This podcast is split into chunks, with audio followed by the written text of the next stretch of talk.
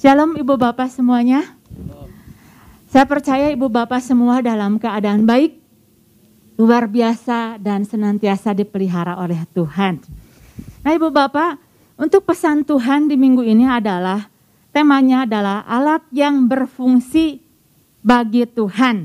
Ya, minggu kemarin uh, kita sudah mendapatkan visi untuk 2012, 2022 Tuhan katakan bahwa kita adalah prajurit-prajuritnya Tuhan yang memandang jauh ke depan.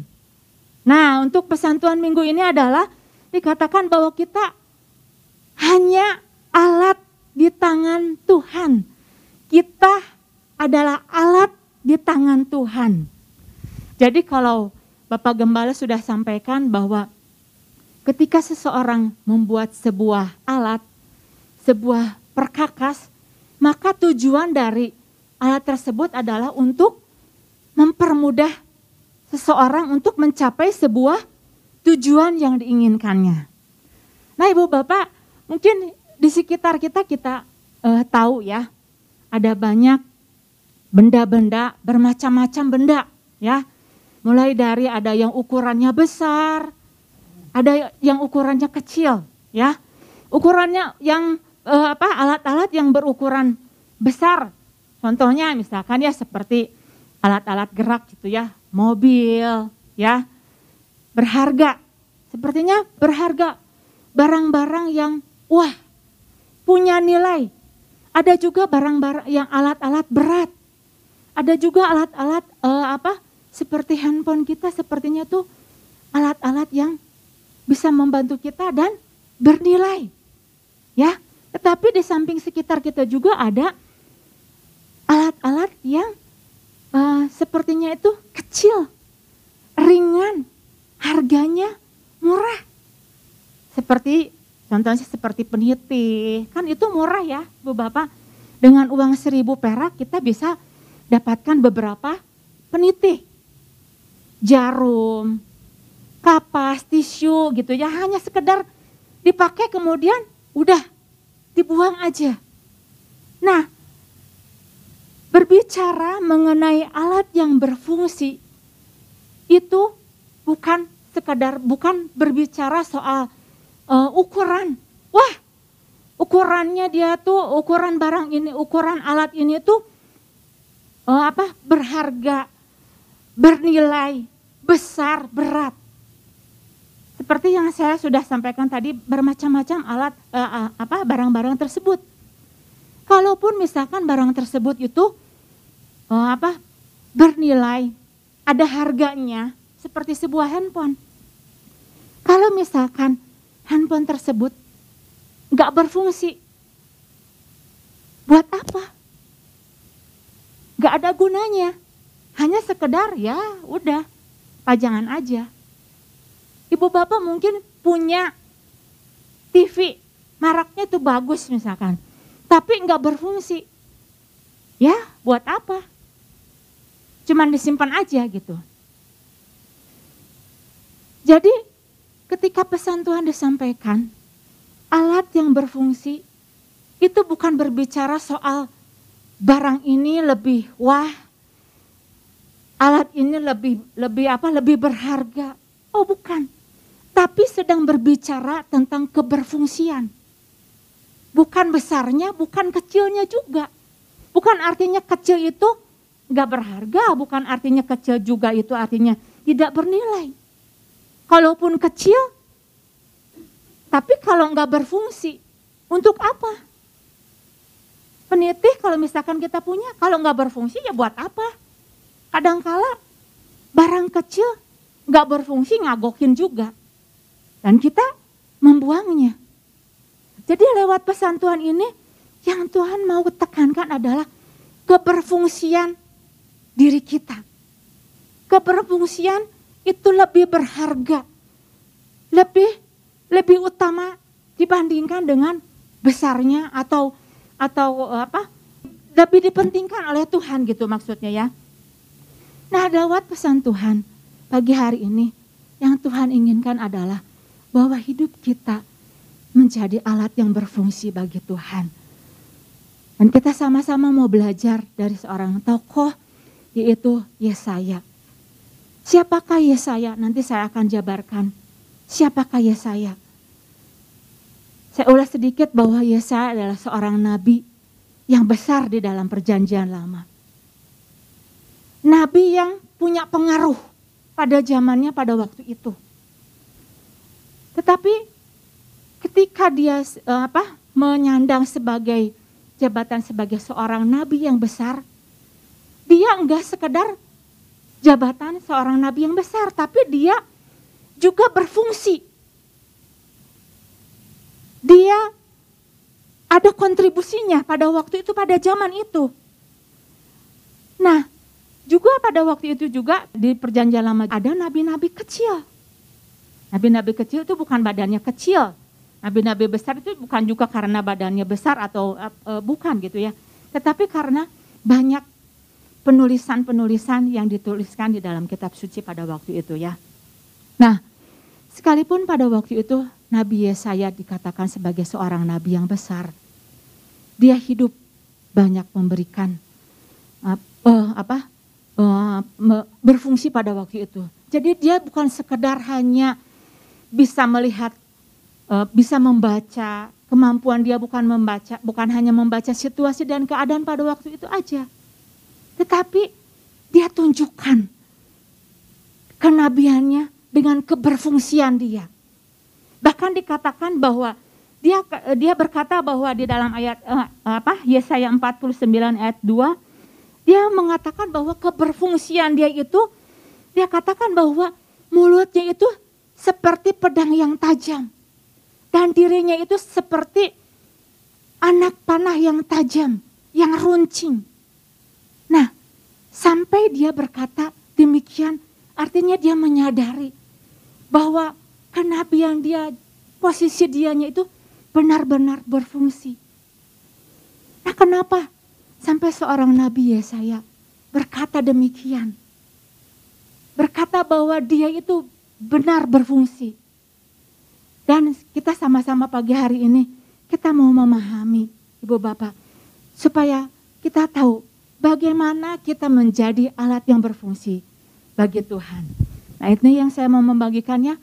Yang pertama kita harus memahami ya, memahami bahwa nilai sebuah alat ditentukan dari kontribusi yang diberikannya. Memahami bahwa nilai sebuah alat ditentukan dari kontribusi yang diberikannya. Diambil dari Yesaya 49 ayat yang ke-6b. Ya, saya mau membacakannya keseluruhannya. Terlalu sedikit bagimu hanya untuk menjadi hambaku, untuk menegakkan suku-suku Yakub, dan untuk mengembalikan orang-orang Israel yang masih terpelihara. Tetapi aku akan membuat engkau menjadi terang bagi bangsa-bangsa, supaya keselamatan daripadaku sampai ke ujung bumi. Nah ibu bapak di sini kita bisa tahu ya. Dan ketika saya mau membaca siapakah Nabi Yesaya. Ternyata Nabi Yesaya itu berasal dari kalangan orang yang berada. Kalangan dari bangsawan. Ayahnya itu juga seorang nabi. Jadi dia punya istilahnya punya kedudukan lah. Dan Nabi Yesaya pada waktu itu juga dia termasuk orang yang berpendidikan. Dia punya pengaruh. Karena itu dia menjabat sebagai seorang penasehat raja pada waktu itu. Kalau seorang yang berpengaruh pasti pintar ibu bapak. Dia punya wawasan yang jauh, makanya dipakai untuk menjadi seorang penasehat di kerajaan Yehuda pada waktu itu. Dia juga termasuk orang yang terpandang, punya pengaruh pada waktu itu. Nah, kalau kita uh, apa bertanya mungkin ya dalam kehidupan kita, wah itu kan Nabi Yesaya, dia punya uh, posisi lah, dia punya pengaruh, dia punya jabatan, Ya jelaslah. Bisa punya kontribusi. bagi bagi apa? Bagi masyarakat pada waktu itu. Bagi kerajaan pada waktu itu. Kita mungkin bisa bisa beranggapan seperti demikian. Iyalah, kan dia mah hebat, dia mah kan punya pendidikan. Sehingga apa pun yang diomongkan sama orang tersebut pasti orang akan mendengarnya. Nah, bagaimana ibu bapak dengan sebuah kisah yang terjadi pada Onesimus? Ya, kalau tadi ya saya mungkin kita bisa beranggapan, iyalah dia punya kontribusi karena dia punya posisi kedudukan yang hebat.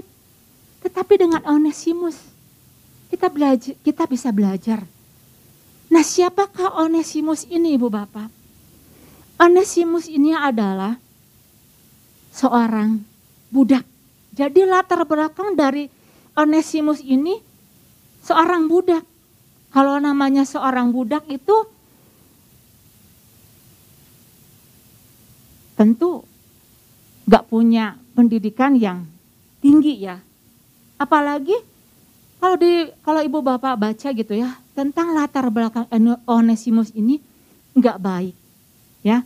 Dia punya kelakuan sebagai seorang budak dan dia itu mencuri uang dari tuannya. Jadi latar belakang dari Onesimus itu eh, Onesimus ini nggak baik latar belakangnya dia seorang budak yang melarikan diri. Kalau budak yang melarikan diri pada waktu itu dikatakan sebagai sebagai tindakan kriminal. Jadi Onesimus pada waktu itu lari. Karena apa? Orang yang bertindak kriminal pada waktu itu dia harus dipenjara dan akhirnya harus dihukum mati.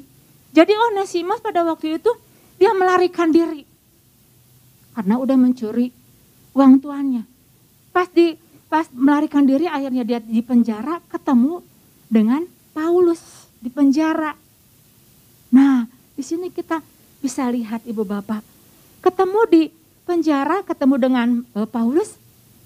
Akhirnya Paulus membawa Onesimus ini kepada Tuhan. Kontribusi yang luar biasa ya dari Paulus ya. Nah, bahkan uh, Matthew Henry berkata bahwa seorang bapak yang sejati itu, dia memiliki kemampuan untuk mengubah dari orang yang tidak berguna menjadi berguna. Nah, ketika dia berjumpa dengan Tuhan lewat Paulus, kehidupan Onesimus itu berubah. Bahkan dikatakan bahwa uh, kehidupannya itu berguna gitu ya. Yuk sama-sama kita baca dulu di dalam Filemon 1 ya. Filemon 1 ayat yang ke-11 ya. Nah, ini dikatakan ini Paulus menulis surat ya. Paulus menulis surat kepada Filemon. Filemon itu adalah majikan dari Onesimus. Dahulu memang dia tidak berguna bagimu. Tetapi sekarang sangat berguna baik bagimu maupun bagiku. Jadi kehidupan kehidupan Onesimus itu berubah. Karena tahu bahwa hidupnya itu sesuai dengan namanya. Jadi dia hidup sesuai dengan namanya itu berguna. Membawa ke membawa membawa keberuntungan bagi pelayanan dari Paulus pada waktu itu. Nah, Ibu Bapak kita bisa lihat ya, ketika kita tahu bahwa hidup kita menjadi alat yang berfungsi, bagi Tuhan itu bukan berbicara lagi soal wahnya seseorang yang kadangkala seseorang hanya tertipu oleh bagian luarnya saja. Tetapi ini berbicara tentang keberfungsian. Bukan besar atau bukan kecilnya, tetapi berfungsi.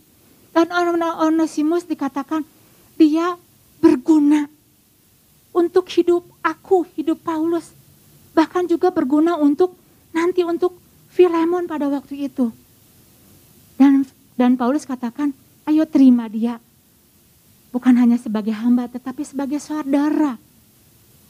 Nah, lewat pesan Tuhan hari ini Ibu Bapak, ketika kita tahu ya bahwa keberfungsian kita yang di apa yang diinginkan itu bisa terbaca dari apa? Dari kontribusi yang kita bisa yang kita bisa berikan bagi lingkungan kita, bagi sekitar kita. Nah, jadi untuk menjadi seorang yang memiliki sebuah nilai gitu ya, nggak harus tunggu seseorang itu harus memiliki satu posisi yang wah dulu, yang hebat dulu. Lewat keberadaan diri kita, apa pun diri kita mungkin masa lalu kita yang tidak terlalu baik, tetapi kita kita tahu dan kita diubahkan oleh Tuhan, kita dapat berfungsi sebagai alatnya Tuhan. Nah, lewat apa? Lewat berbagai sarana yang Tuhan berikan di dalam kehidupan kita.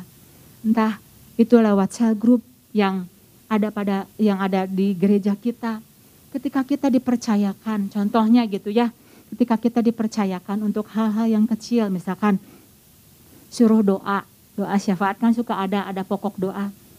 Jangan tolak, karena kita sedang belajar untuk memfungsikan supaya kita bisa berkontribusi. Apa sih yang disebut dengan kontribusi?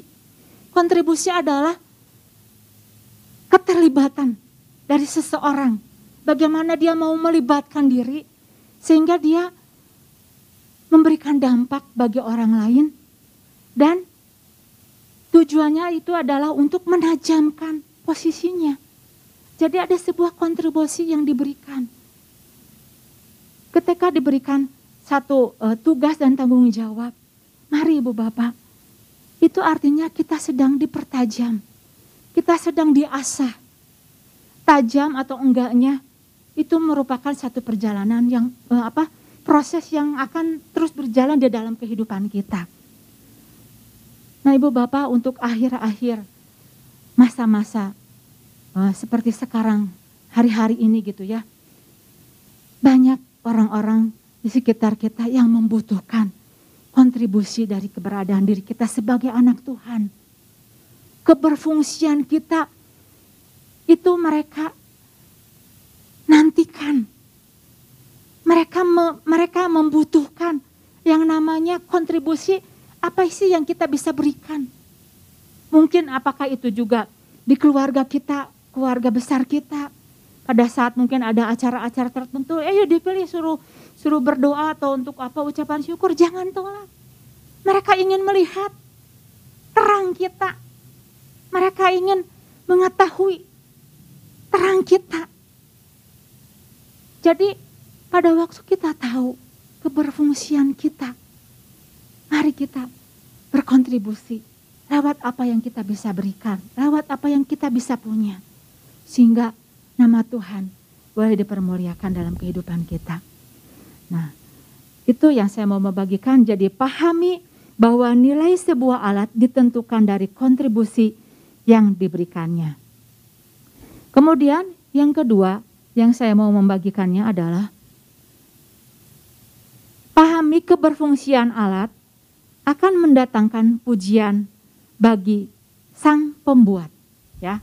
Pahami keberfungsian alat akan mendatangkan pujian bagi sang pembuat. Begitu juga dengan sebaliknya. Ya, kalau tidak berfungsi dari sebuah alat itu akan mendatangkan cemoohan bagi si pembuatnya. Nah, saya mau mendasari ayatnya di dalam eh, apa Yesaya 49 ayat yang ketujuh. Beginilah firman Tuhan penebus Israel, Allahnya yang maha kudus, kepada dia yang dihinakan orang, kepada dia yang dijijikan bangsa-bangsa, kepada hamba penguasa-penguasa, raja-raja akan melihat perbuatanku, lalu bangkit, memberi hormat dan pembesar-pembesar akan sujud menyembah. Oleh karena Tuhan yang setia, oleh karena yang maha kuasa, Allah Israel yang memilih engkau. Nah, pada waktu Yesaya menyandang sebagai seorang hamba dan dia harus menyuarakan suara Tuhan. Mungkin enggak, enggak sekali, dua kali. Dan orang-orang enggak menganggap dia. Bahkan dia sebagai dianggap sebagai orang, ah enggak dianggap dihinakan. Tetapi satu saat Tuhan akan membuat raja-raja akan melihat perbuatanku. lalu bangkit memberi hormat. Pembesar-pembesar akan sujud menyembah. Oleh karena Tuhan. Oleh karena Tuhan bukan oleh karena dirinya. Dan ya saya menyadari keberadaan dirinya itu, keberfungsiannya itu bukan bukan semata-mata karena dia karena dia uh, apa memiliki satu uh, penglihatan yang jauh lebih mulia gitu daripada yang lain, bukan. Tetapi karena karena hanya karena Tuhan yang memakai kehidupannya. Karena dia berfungsi sehingga nama Tuhan boleh ditinggikan, boleh diagungkan. Nah, Ibu Bapak ketika mungkin dalam kehidupan kita ketika kita membeli sebuah alat ya dan kita terkagum-kagum kagum-kagum dengan sebuah alat. Kan sekarang banyak alat-alat yang begitu canggihnya sehingga kita, aduh hebat banget gitu ya. Kita terkagum-kagum pada bendanya atau pada si pembuatnya. Tentu kita akan terkagum. Wih, ini benar-benar orang ya sampai kepikiran gitu membuat seperti barang seperti kayak begini. Banyak kan alat-alat sekarang benda-benda yang membuat orang itu tertarik melihat dan ternyata di balik semuanya itu ada pribadi yang memikirkannya, ada pribadi yang menciptakannya. Begitu juga dengan kehidupan kita. Ketika kita menyadari bahwa kita dicipta adalah untuk kemuliaannya. Dicipta itu dijadikan untuk kemuliaan dari Tuhan, bukan untuk kemuliaan diri kita. Sekarang banyak alat-alat yang luar biasa ya. Saya lihat apa sekarang ada bulu mata elektrik. Wah, luar aneh-aneh gitu ya. Apa? Uh, baju yang berotot gitu ya supaya apa supaya orang-orang yang kurus-kurus sekarang bisa tampil rada rada gagah gitu ya itu karena si pembuatnya itu memikirkan jadi kita bisa melihat bagaimana kekaguman bukan pada barang tetapi pada si pembuat. Tetapi kalau barang tersebut setelah setelah dibuat nggak berfungsi, wah buat apa atau ini mah dibuat? Menjadi sebuah cemoohan. Jadi ketika uh, kita tahu, ketika kita ingin mengukur indikasi bahwa kita itu berfungsi atau enggak ya, yang pertama adalah ketika kehadiran kita itu diakui oleh sekitar kita. Keberadaan kita tuh diakui. Jadi, oh, ada dia nih. Ada dia. Siapa dia? Oh, ternyata dia anak Tuhan. Ya. Yang kedua, yang kedua indikasi bahwa kita berfungsi adalah bahwa lingkungan kita itu merasa diuntungkan dengan keberha dengan kehadiran kita. Wow, untung ya. Ada dia. Untung. Dia datang. Untung ya. Dia mau ngedoain saya. Untung ya. Dia ngasih solusi kepada saya. Ketika mereka diuntungkan, mereka merasa diberkati. Mungkin ada pertanyaan-pertanyaan yang sering kali kalau dia teh dari gereja mana sih? Artinya apa? Dia merasa ada sebuah yang dia terima. Nah pada saat se uh, seseorang berkata, oh untung ya ada dia, untung ya ada. Kita jangan lupa diri. Kita harus sadar diri bahwa kita sebenarnya itu gak ada apa-apanya. Semuanya hanya karena anugerah Tuhan saja. Kalau Tuhan memfungsikan dia. Itu semuanya kita kembalikan lagi kepada Tuhan. Di dalam uh, Yesaya 43 ayat yang ketujuh ya dikatakan bahwa semua orang yang disebutkan kucipta untuk kemuliaanku.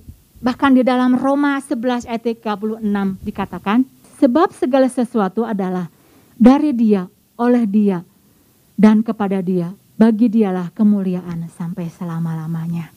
Nah kita harus menyadari ya kita dari dia, oleh dia, dan kepada dia. Seluruh keberadaan dia, seluruh keberfungsian dia, ke keberfungsian kita, kita kembalikan hanya untuk kemuliaan nama Tuhan. Demikian firman Tuhan, mari sama-sama Ibu Bapak kita kembali pada pesan Tuhan ini bahwa kita adalah alat yang ber, alat yang berfungsi bagi Tuhan, dipakai oleh Tuhan dan semuanya dipakai hanya untuk kemuliaan nama Tuhan. Demikian firman Tuhan, Tuhan Yesus memberkati.